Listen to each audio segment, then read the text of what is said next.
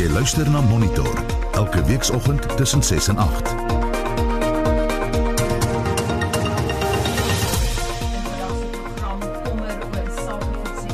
Luistering en aanranding wat van die rol geskraap word. Dit moet ons onmoontlik wees dat mense dit met hulle kan doen en as dit gebeur het, dan moet ons gevolge wees vir die mense. Dolfyne gee hulle self name waarmee hulle vriende met hulle kan kommunikeer. Die gesprek kom 10 oor 7. Die haie gaan vir 'n tweede keer die week teen die Britse en Ierse leeu's opdraf en die mees erotiese en gewaagde rolprent van die jaar het pas begin draai. Leon van Nierop is op sy pos. Baie welkom by Monitor. Ek is Anita Visser. 12 minute oor 6 en Heinrich sit gereed om vir ons te vertel wat sê die koerante vanoggend môre. Net môre, dis seker geen verrassing dat die koerante nog steeds lei met oud-president Jacob Zuma wat nou 'n gevangene is by die Escort gevangenis naby aan Nkandla daar in eh, KwaZulu-Natal nie. Die burger se hoofopskrif sê vanoggend Zuma se nuwe tuiste en dit handel dan juis oor hierdie wat genoem word nuwe generasie medium B gevangenes waar hy aangehou word en waar die minister Ronald Lamola, minister van Justisie en Korrektiewe Dienste gister besoek afgelê het, ook 'n gesprek gehad het met die oud-president en dan nou vir die land en die wêreld vertel het dat dit heel goed gaan met hom, dat hy 'n gemoedelike leiem is en dat hy tog wil hê die mense moet weet hy word wel aangehou. Weliswaar in die die ehm um, hospitaalafdeling van die tronk.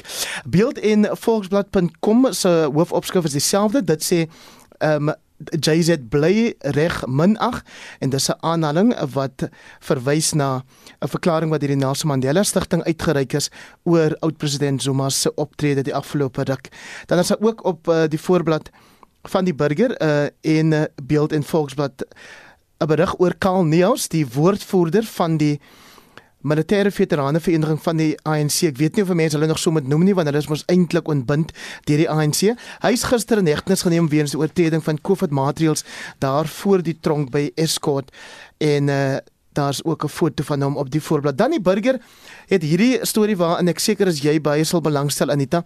Dit is dat 'n man uh, met die naam Winston Kogel, as ek nou se van reg uitspreek, hy's 54 jaar oud en hy is nou tuis nadat hy 122 dae in die waakeenheid van die Grooteskier Hospitaal deurgebring het weens COVID, die hmm. langste wat enige pasiënt nog daar weens COVID in die waakeenheid um, opgeneem is. News24 het op hulle voorblad of hulle landingsblad seker ook 'n berig oor die tronk die binnekant van hierdie spoggerige nuwe generasie tronk waar die oud president nou aangehou word. En dan op vryeweekblad.com skryf onder andere Dan Badenhorst oor die Zuma die nou die Zuma um, 'n hegtenisneming of liewer dat hy hom oorgegee het en nou agter tralies is. Die bedorwe willekeur van die magtiges is uiteindelik in 'n waterskeidingsoomblik in die konstitusionele hof gestuit en eh, Dan Baden skryf ook dit kan nou as 'n presedent dien om die laaste skuilings van uitstel en afstel af te breek wat agter die rompslomp van die regspraak versteek was. Dit dan 'n opsomming van eh, wat in die op die koerante se voorblaaie en ook aanlyn op nuuswebwerwe aangaan. Nuwe navorsing gee redes hoekom mans meer kansse vat as vroue. Die studie het bevind dat daar 'n ooreenkoms is tussen breinritmes en geslagte se houding teenoor risiko's. Ons praat net na 07:30 vanoggend met 'n kenner daaroor. Intussen wil ons by jou weet, is dit jou ervaring dat mans meer kansse vat as vroue? Ons hoor graag van jou, stuur vir ons ook praktiese voorbeelde van jou ervaring. Die SMS-nommer is 45889. Onthou dit kos R1.50 of gaan na ons Facebookblad by facebook.com vorentoe skynstreep ZRSG of WhatsApp vir ons stemnota na 0765366961 0765366961 Ons waarsku dat die volgende bydrae grafiese beskrywings bevat wat mense mag ontstel. AfriForum se privaat vervolgingseenheid het 'n reeks klagtes ontvang oor sake van seksuele aanranding wat van die rol geskraap word. Die eenheid is tans betrokke by vier soortgelyke sake wat in die Brits Landdroshof teruggetrek is. AfriForum het aan die direkteur vir openbare vervolging geskryf om te vra dat die sake so gou as moontlik heringestel moet word. Die hoof van die eenheid, Gerry Nel, het aan Susan Paxton gesê die NVG beskou sake van kindermisbruik nie as 'n prioriteit nie. 3 weke terug op 'n Vrydag het ons 'n afspraak met twee dames van Brits om ons te kom sien oor kindermishandeling sake. Paulie Koch en Michelle de Beer stap toe hier by ons in en deel met ons gruwelike gevalle van kindermishandeling en kinderverkrachting. In my kantoor het ons sekere gesamentlike ondervindings van 280 jaar in, in die strafreg en ons almal was geskok. Almal sit om die tafel en besluit maak nie saak wat ons het nie, jy moet ons betrokke raak. En uh, ons het onmiddellik betrokke geraak. Ek het nou twee goed geleer, mense is ook nooit te oud om te leer nie, né? So, ehm um, toe ek gekonsulteer met hierdie twee dames, gewone ma's wat uh, na hierdie kinders omsien, by wie kinders in 'n plek van veiligheid geplaas is. En en ek en hulle kom met my deel wat die impak van hierdie tipe seksuele molestering op die kinders is. Jy weet, mense sit en as jy aanklaer is, jy deel met die feite, maar om gekonfronteer te word met die die optrede van die kinders, wat die impak daarvan is, ehm um, was vir my nie. Hm. Uh Susan, ek sê dit gruwelik en ek gaan net so vier verskillende sake net vinnig die ergste daarvan sê. Met in 'n geval, 'n dogtertjie van 6 jaar, ehm um, was sy by die dokter en daar het hulle identifiseer ehm um, vaginale en anale skere van verskillende ouderdomme wat oor verskillende tydperke veroorsaak was. In 'n ander geval is 'n dogtertjie van 2 jaar by die skool aangekom met 'n doekie na klere om die vaginale bloeding weg te steek. In 'n ander geval is 'n uh, 'n baba van 7 weke oud by die skool aangekom met brandwonde op sy rug. En toe hulle die ma konfronteer, sê sy As die kind huil, sit die kind in 'n kusvrieskas.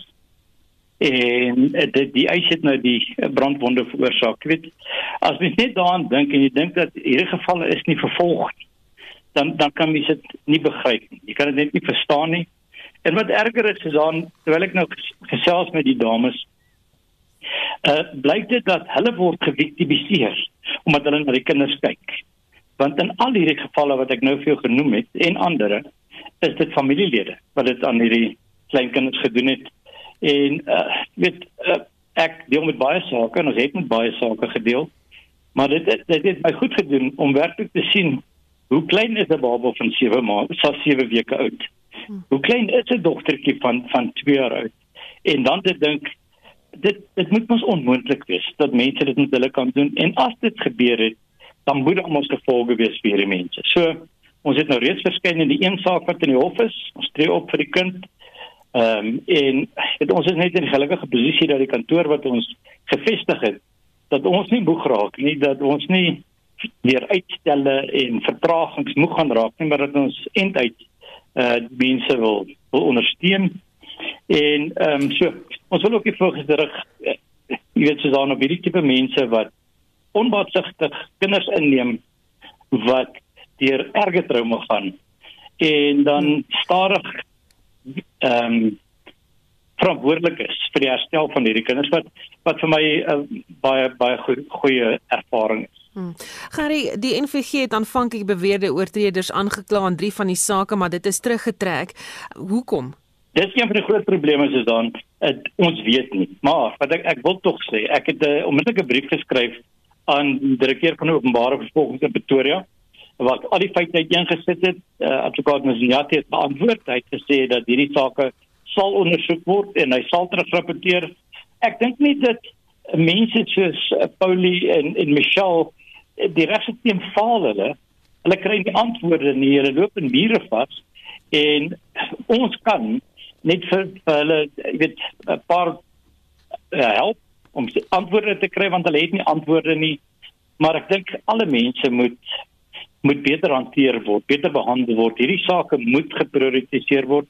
Jy weet soos dan elke jaar in Junie is daar jeugmaand. Elke jaar in Junie het die polisie en die vervolgingsgesag eh, sê hulle dat hulle gaan sake teen vroue en kinders prioritiseer en hulle maak allerlei planne, maar mense op grondvlak, mense wat by die Brits Landroshof instap, ervaar nie enige van hierdie veranderinge en enige van hierdie planne wat in werking gestel word nie. En en ons gaan definitief in 'n veld op uh kyk dat dat ons hiermee kan behulpsaam wees. Daar is goeie Susan, daar is goeie polismanne, daar's mense wat verskriklik goeie werk doen. Maar as ons een kind val en ons deel nie met daai een saak nie, is dit een te veel. En dit is waar ek dink ons betrokke kan raak. Die hoof van AfriForum se privaat vervolgingseenheid, advokaat Gerry Nel, en hy het met Susan Paxton gepraat. Oud-president Jacob Zuma het sy tweede nag agter tralies deurgebring. Die Hooggeregshof in Pietermaritzburg sal vandag uitspraak lewer oor Zuma se aansoek dat die lasbrief vir sy inhegtenisname opgeskort word. Intussen het die departement van korrektiewe dienste die publiek verseker dat Zuma nie spesiale behandeling in die Escort tronk in KZN ontvang nie. Mitsi van der Merwe het meer. Geskiedenis is eergisterand gemaak toe 'n voormalige president in hegtenis geneem is. Suid-Afrika se derde demokratiese verkose president, Jacob Zuma, is nou 'n gevangene in die Medium B fasiliteit in Escort, KwaZulu-Natal. Dit volg nadat hy 'n bevel van die konstitusionele hof geïgnoreer het om voor die staatskapingskommissie te verskyn. Pule Mabe is die woordvoerder van die ANC. The African National Congress note and respect the decision by former President Jacob Zuma to comply with an incarceration order as issued by the Constitutional Court. Without doubt, this is a difficult period in the movement, and we call upon our members to remain calm. Former President Jacob Zuma's decision to abide by the incarceration order was truly a brave and hard decision to make. We wish him well. Die leier van die DA, John Steenhuisen, sê die stap is 'n oorwinning vir die oppergesag van die reg. Ek dink dit is 'n baie baie belangrike boodskap wat uitgestuur is dat dit maak nie saak nie as jy 'n voormalige president is of 'n burger van die land is, daar is reëls en jy kan nie teen die hof staan die in die reëls van die hof en die reël van die wet. Ek dink ook ons moet versigtig wees. Hulle sê in Engels a single swallow doesn't make a summer. En ek dink eh, dis hoekom ek in my persverklaring baie duidelik gesê dit is 'n klein krappie, maar daar's 'n groot pad wat voor lê om seker te maak dat al hierdie bendes en korrupte mense in die ANC by die hof verskyn ook. Die IFP se woordvoerder, Wilenkosi Hlabisa, sê hoewel dit hartseer is om Zuma in die tronk te sien, getuig dit dat niemand bo die reg verhewe is nie. It has proven that the rule of law is supreme. Despite the whole drama leading to yesterday evening, it eventually resulted to the confirmation that we are all equal before the law, irrespective of the position we hold Die woordvoerder van Cope, Dennis Bloem, sê sy party verwag geen voorkeurbehandeling van die oud president in die tronk nie. The imprisonment of former President Jacob Zuma is a victory for our constitution and the judiciary. The imprisonment of Jacob Zuma sends out a very clear and loud message that nobody is above the law. Die leier van die IDM, Bantu Holomisa, het Zuma geloof dat hy homself onderwerp het aan die reg en sy vonnis gaan uitdien. Say what you will of former President Jacob Zuma, but he quietly, boldly had said that he was not afraid to go to jail. And he has now voluntarily handed himself over to the police. Die leier van die Vryheidsfront Plus, Dr Pieter Groenewald, sê Zuma was op 'n dwaalspoor as gevolg van 'n vals sin van politieke mag.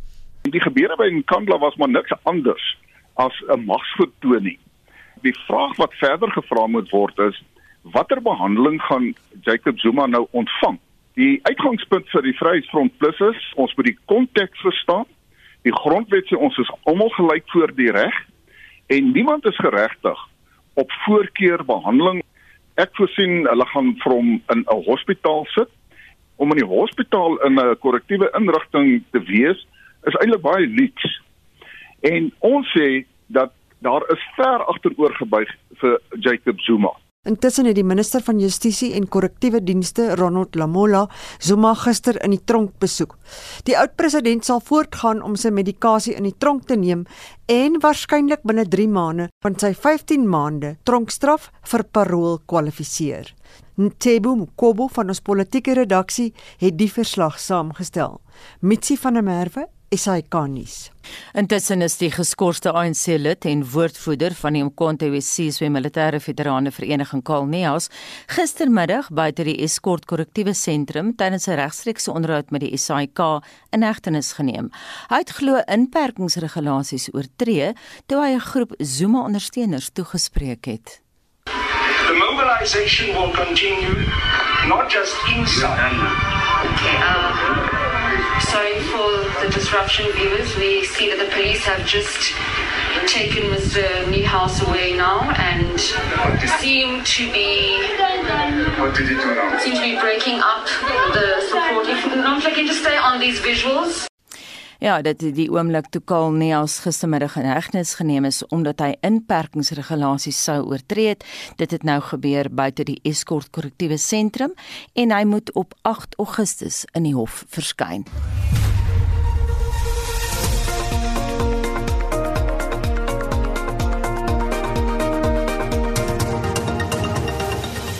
Die hoofnuus gebeure optrede word verwag nadat fotos oor Jacob Zuma in die tronk versprei is. Geen toeskouers gaan by die Olimpiese spele in Tokio toegelaat word nie en nuwe navorsing gee redes hoekom mans meer kansse vat as vroue. Bly by ons. Intussen gaan ons na die SMS'e. Aneta ja, ons wil weet of uh, luisteraar saamstem met die nuwe navorsing wat redes gee oor hoekom mans dan nou meer kans vat kansvatterig sal wees as vroue en die studie het bevind dat daar 'n ooreenkoms is tussen breinritmes en geslagte se houding teenoor risiko's.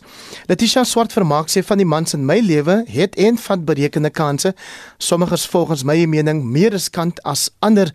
Ek veronderstel daarom is vrouens 'n noodsaaklikheid in hul lewens om die balans te bring. Janie van Niekerk sê nee, gats, ek is nie so dapper soos vrouens nie. Ek oorweeg iets eers deeglik voordat ek 'n kans vat tot so 'n mate dat ek eintlik 'n pyn in die nek is. Hansie Hofman sê dis waar, mans weet hoe om 'n kans te vat. Dis hoekom hulle hom vat. O, dis hoekom vrouens Nee, hoekom hulle die kanse vat? Vrouens moet dit nog leer, reken Hansie. Anton Rautenbach sê navorsing gaan in 'n staat van poespas en dan sê hy die woord word wel in die WAT of die Woordeboek vir die Afrikaanse taal opgeneem. Ehm um, en daarom O, dit gaan nou op 'n staat van poespas wees omdat daar deesdae 14 genders is en intussen gaan elkeen verskillend op energiedrankies reageer. Anton Rautenbach se reaksie. Dan Johanna Vel wat sê, dit hang af van die situasie, maar ek vat nie regtig gevaarlike kansse nie. So in my geval is dit seker waar ek oorweeg altyd die voor en nadele.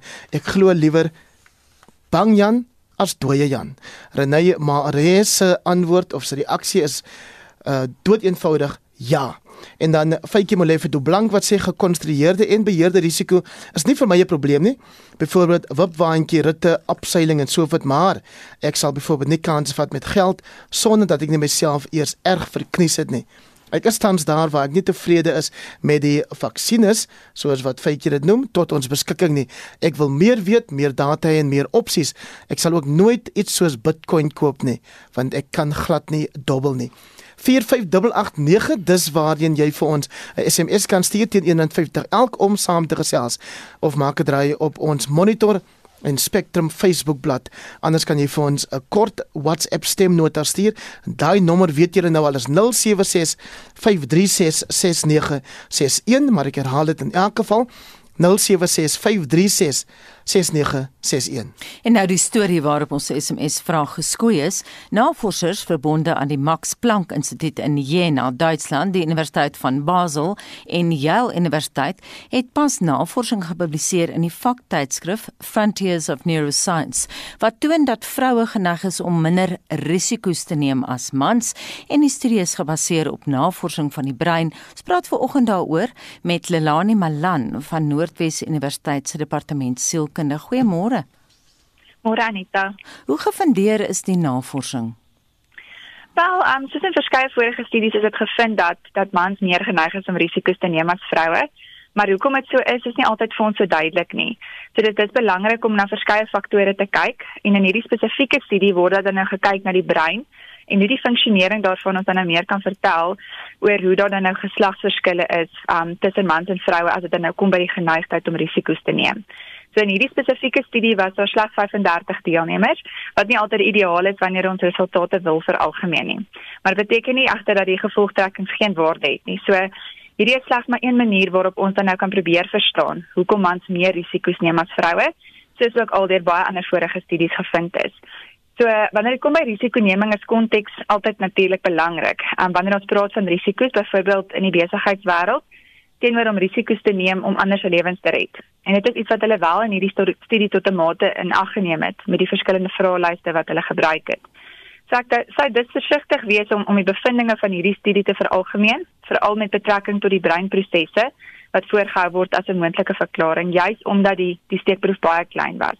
Dit is ook belangrik om in ag te neem dat hierdie studie onderskeidelik deur universiteite wat nie in Suid-Afrika is, um uitgevoer is nie. So die bevindinge is nie noodwendig vir al wat ons kan net nie noodwendig vir algemeen vir um vir dit wat ons in ons Suid-Afrikaanse populasie sien nie. Dit is interessant dat hulle dit aan die groot klok gehang het akademies gesproke as die studie so klein was. Hmm. Ja, dit dit is dikwels dit gebeur dikwels in studies dat hulle van baie klein steekproewe gebruik maak. So dis vir ons in die akademiese wêreld verskriklik belangrik om te te kyk dan na die steekproef, um, want dit dit sê vir ons tot watter mate ons wel dan nou hierdie um die inligting of die die die gevolgtrekking van so 'n studie kan veralgemeen. So ek sou in hierdie studie versigtig wees vir dit. Ek dink dit is altyd beter om 'n om 'n groter steekproef te hê, veral wanneer mense nou, jy weet, kyk na die toetse wat hulle uitgevoer het, um veral dan nou met met breinaktiwiteit en so aan. Ek is baie bly jy plaas dit in daai konteks, maar som vir die leek op wat die kruks van die artikel is Lelani. Okay, so in, in hierdie navorsing het hulle dan nou gaan kyk na die verband tussen die theta-ritmes van die brein. So ek sal nou 'n bietjie daaroor gesels en dan ook die verskille in houdings wanneer dit kom by die neem van risiko, spesifiek dan nou tussen mans en vroue. So ons almal weet dat die brein onder andere elektries van aard is. Um, wat beteken dat die brein elektriese seine vervoer wat elektromagnetiese velde genereer wat ons dan nou ook in staat stel om die brein se elektriese aktiwiteit te kan monitor en ook te kan opneem. So die elektriese aktiwiteit in ons brein word in frekwensiebande verdeel. So onder andere dan nou breinritmes wat aangedui word deur Griekse letters. Dat is nou waarvan alfa, beta en onder andere dan in die theta golwe vandaan kom. Um en dit staan vir waar die elektriese aktiwiteit in die brein gegenereer word, maar ook vir die persoon se staat op 'n gegee tyd. Byvoorbeeld wanneer hulle in rus is tydens take, praat ons dan nou byvoorbeeld van alfa golwe. So wanneer ons kyk na risikogedrag, moet ons houdings in ag neem aangesien spesifieke houdings ons gedrag in 'n sekere rigting rig. En navorsing dui daarop dat daar verskille in gedrag is met ander woorde ook houdings teenoor die neem van risiko's. En dit kan nou gedeeltelik verduidelik word deur individuele eienskappe wat ons dan nou in breinaktiwiteit sien. So daar bestaan 'n korrelasie tussen die gewilligheid om risiko's te neem en ook verskille in die sterkte van hierdie regter en linker frontale lob theta ritmes of dan nou anders gestel die frontale theta asimetrie.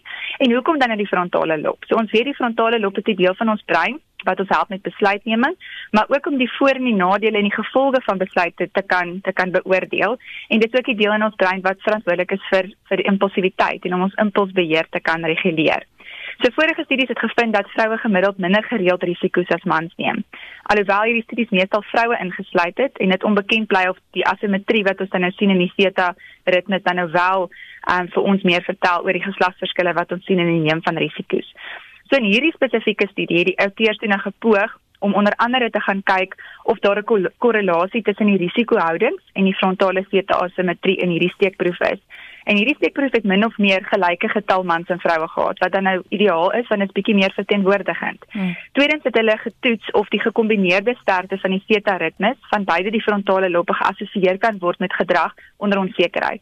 So ons weet wanneer ons poog om om 'n spesifieke risiko te neem, dat daar maar altyd 'n komponent van onsekerheid is.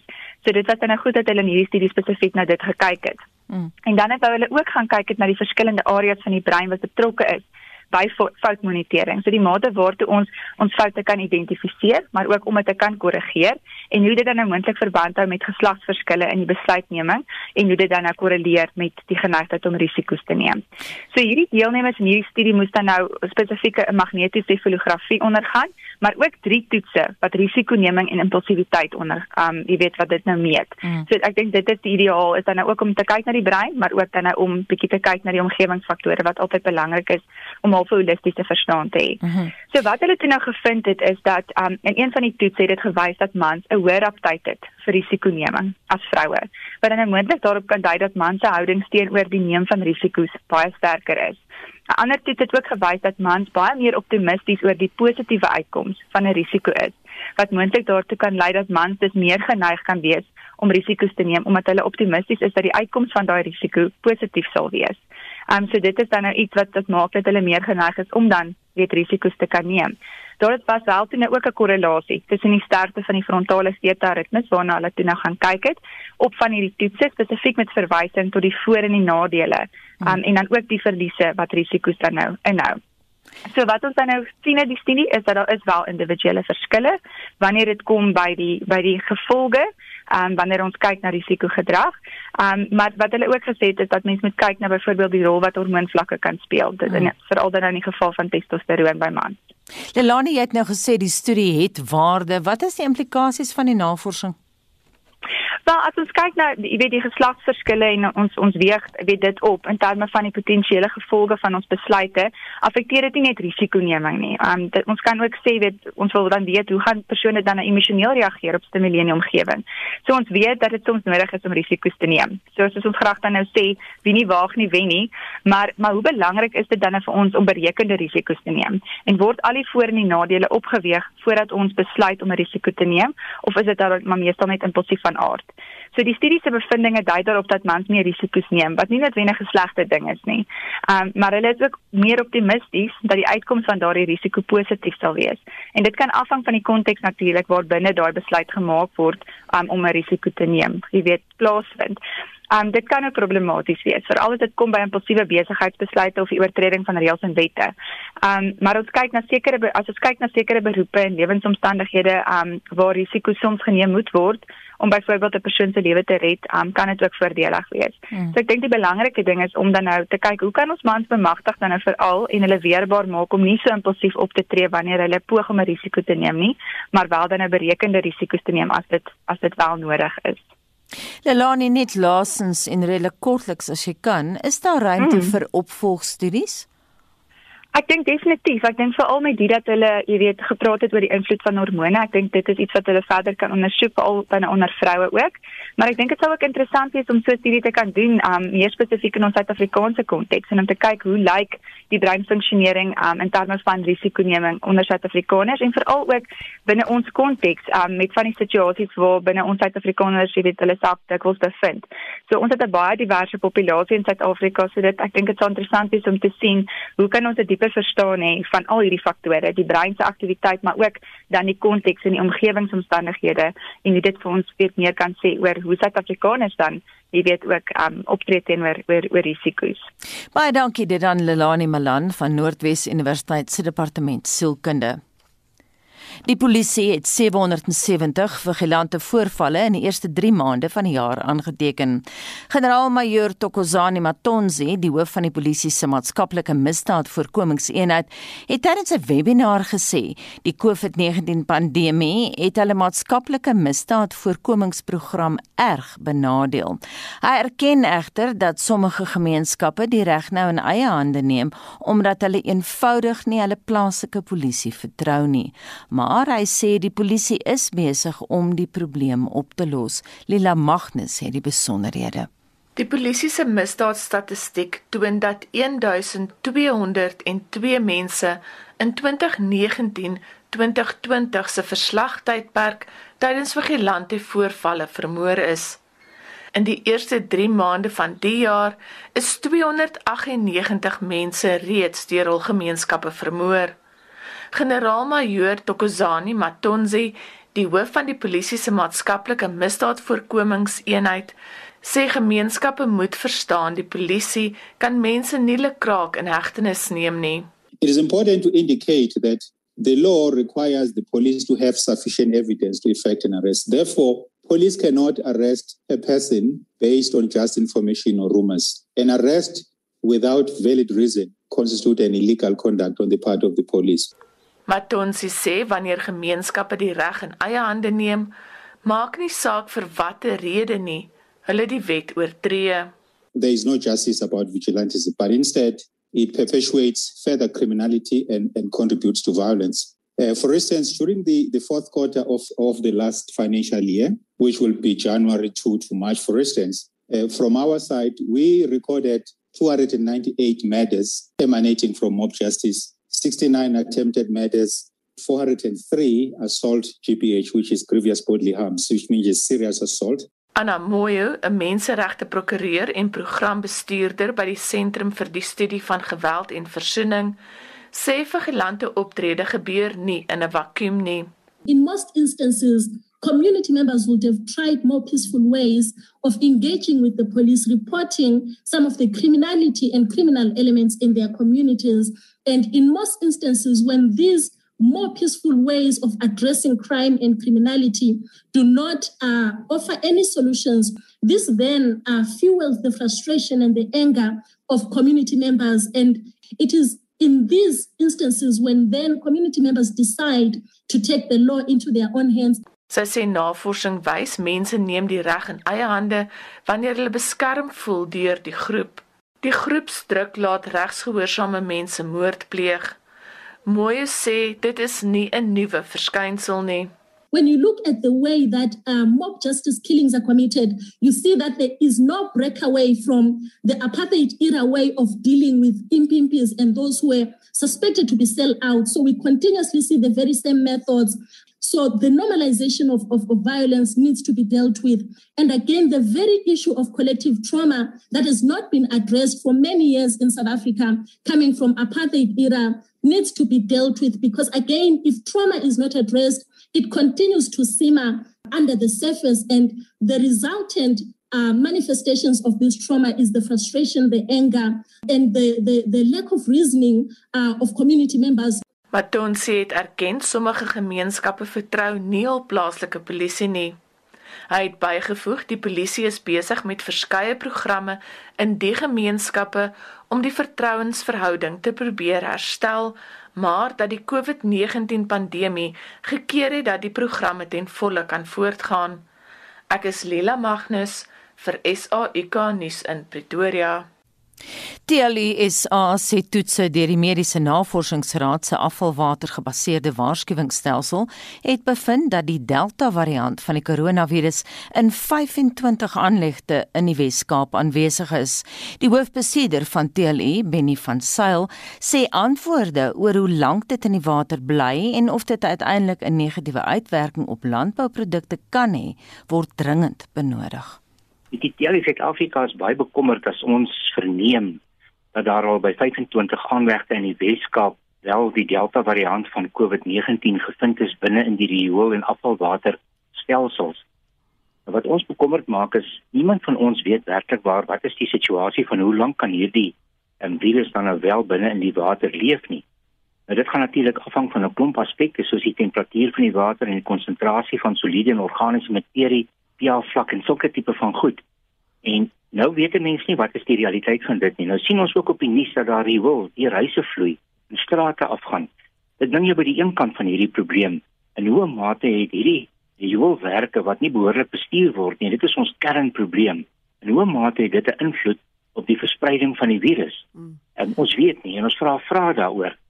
Maar daar is 'n oplossing om hierdie water te suiwer. Wel dit is dan ook bevind deur Amerikaanse omgewingsbewaringsagentskap dat hierdie koronavirus wel by sulke rioolstelsels en afvalwaterstelsels baie effektief eintlik behandel kan word met doodgewone chemikalieë wat jy normaalweg kan gebruik. So dis 'n eenvoudige oplossing.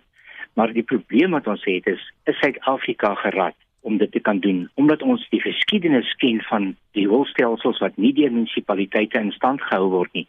Die vraag is dus, is die kapasiteit daar? Alles het 'n eenvoudige oplossing.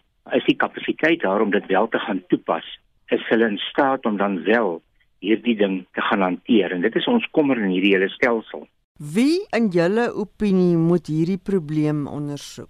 Ons sit vandag by die realiteit dat die regering het 'n benadering ten opsigte van gesentraliseerde beheer oor feitelik alles.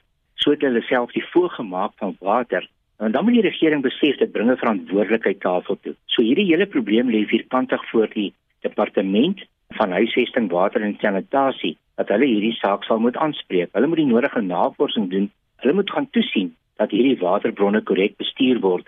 Ons dilemma is net gaan dit gebeur? Want ek wil verder gaan en opstel van ook die impak wat hierdie op voedselproduksie gaan hê. Dit vir ons as landbouers beleef ons reeds op baie plekke hoe rou riool in stelsels net deurvloei en in ons waterstelsels kom en in hoe mate het dit 'n impak op die gesondheid van om voldoende veilige voedsel te kan produseer.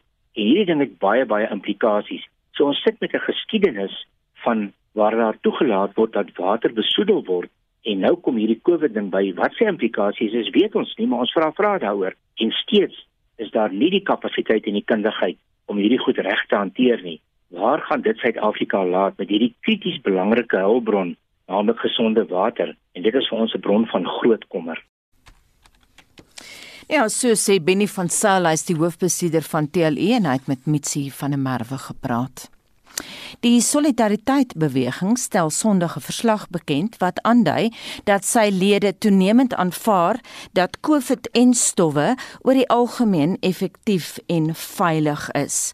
Lede se vryheid van keuse word nogtans gerespekteer. Die organisasie se bestuurshoof, Dr Dirk Herman, het met Heinrich Weingart gepraat.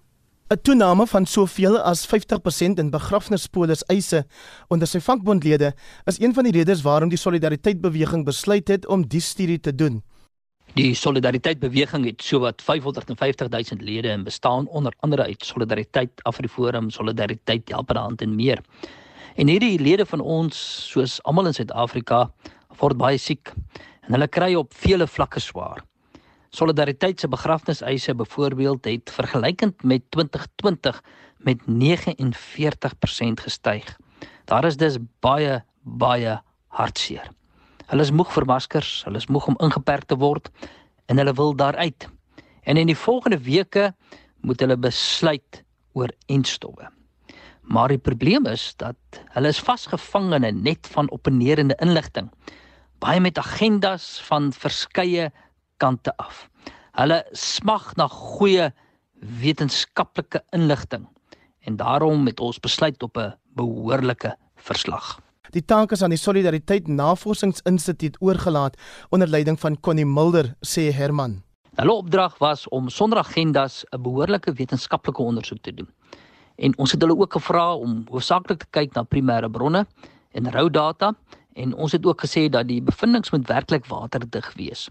So hulle kon internasionale vergelykings doen en daar is natuurlik nou die voordeel dat daar al reeds so wat 3 miljard inentings in die wêreld toegedien is wat eintlik ook 'n ryk bron van data is. Hy sê skeptisisme oor enstowwe het veel te doen met 'n gebrek aan vertroue in die regering. Die onsekerheid oor die gebruik van enstowwe het egter aansienlik afgeneem sedert die laaste opname so wat 6 maande gelede gedoen is. Ons het opname ook gedoen in Januarie vanjaar. Toe was daar so 20% van solidaritetslede positief om die enstof te neem en is nou so kort diskant 60%. Daar is nog steeds 'n groot groep wat onseker is en dan is daar so 15% wat steeds negatief is wat sê ek gaan nie die enstof gebruik nie. Maar die interessante ding is as jy kyk na daardie 15%, is net 8% van die 15% uit beginsel teen en stowwe. Natuurlik moet dit gerespekteer ook word. Die resse redes hou almal verband met twee dinge: onsekerheid en wantroue. Herman sê die verslag is een van die omvattendste tot nog toe. Die belangrikste bevinding sluit ook in die kwessie van neeweffekte reaksies op die Russiese en Chinese enstowwe en die regering se betrokkeheid by die enstofprogram. Vryheid van keuse bly van kardinale belang. Ek kan nie nou uit die aard van die saak die detail bekend maak nie, maar ek kan die belangrikste bevindinge net vinnig opsom. In die eerste plek, enstowwe is oor die algemeen doeltreffend en veilig. Daar is natuurlik neeweffekte, die verslag hanteer dit volledig. Daar is ook enkele rooi ligte ehm um, spesifiek dan oor die Russiese enstof, maar veral oor die Chinese enstof. Die tweede belangrike bevinding is dat sentrale beheer van die regering moet stop. Die regering is die bottleneck in die enstof proses en daarom moet die private sektor op 'n groot skaal betrokke raak. En die derde belangrike bevinding is dat vryheid van keuse moet gerespekteer word en die solidariteitsbeweging sal ook daarvoor instaan. Daar is nie 'n land ter wêreld wat enstowwe suksesvol verplig het nie. Verpligting lei tot weerstand. Die feit is dat mense moet kan kies of maar ook watter enstof En dit is ook 'n bevestiging waarom ons die sentrale beheer moet stop. Dit was Dr Dirk Herman, bestuurshoof van Solidariteit. Sondag aand om 8uur op kommentaar word die regte van mense wat instem tot inentings en die wat beswaar aanteken deur Solidariteit se navorsingshoof Connie Mulder en Gert van der Westhuizen van Netwerk 24 bespreek. Hendrik Weingart vir SAK nuus. En nou terug na COVID en wateraanlegte. Viroloog aan die Universiteit Stellenbosch, professor Wolfgang Preiser sê egter hy is onbewus daarvan dat enigiemand in die wêreld al met die koronavirus aangesteek is nadat hulle aan afvalwater blootgestel is. Toe voeg hy by dat die behandeling van afvalwater in sommige gevalle ver te kort skiet. I think the announcement by the South African MRC that the Delta variant was found in wastewater has perhaps caused a bit of confusion. It is actually a reflection of great work that's being done in South Africa. in the field of wastewater epidemiology. And I think we can pride ourselves of being one of the countries in the world that are using this tool to monitor the epidemiology of COVID. Hy sê afvalwater word gebruik as 'n middel om vas te stel of die virus in die stoelgang uitgeskei word. Molekulêre fragmente uniek aan die SARS-CoV-2 virus en verskeie variante word ondersoek. The misunderstanding comes from the term detecting the virus. Uh, what it means is not that the intact virus, that means an infectious virus particle, was found in the wastewater. In fact, what the tests look for is the genome of the virus, uh, is fragments of the virus that can be detected and picked up. And that does not mean that there is infectious virus present in the wastewater.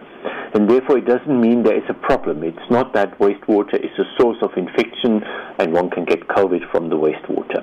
Volgens professor Preiser verskil dit van ander soorte virusse soos hepatitis A en E as ook die diarree virusse. The so-called enteroviruses to which the polioviruses also belong, the coronavirus is not usually transmitted from the feces to the mouth. So not by ingesting fecally contaminated water or food. There have been a very small number of studies that were able to actually find in the stool produced by infected patients the intact virus. So one cannot rule out uh, infectiousness altogether, but it is extremely unlikely to remain infectious by the time this wastewater gets into contact with somebody. Professor Wolfgang Preiser is die hoof van die afdeling mediese virologie by die mediese fakulteit aan die Universiteit van Stellenbosch. Mitsi van der Merwe, SAIK nuus.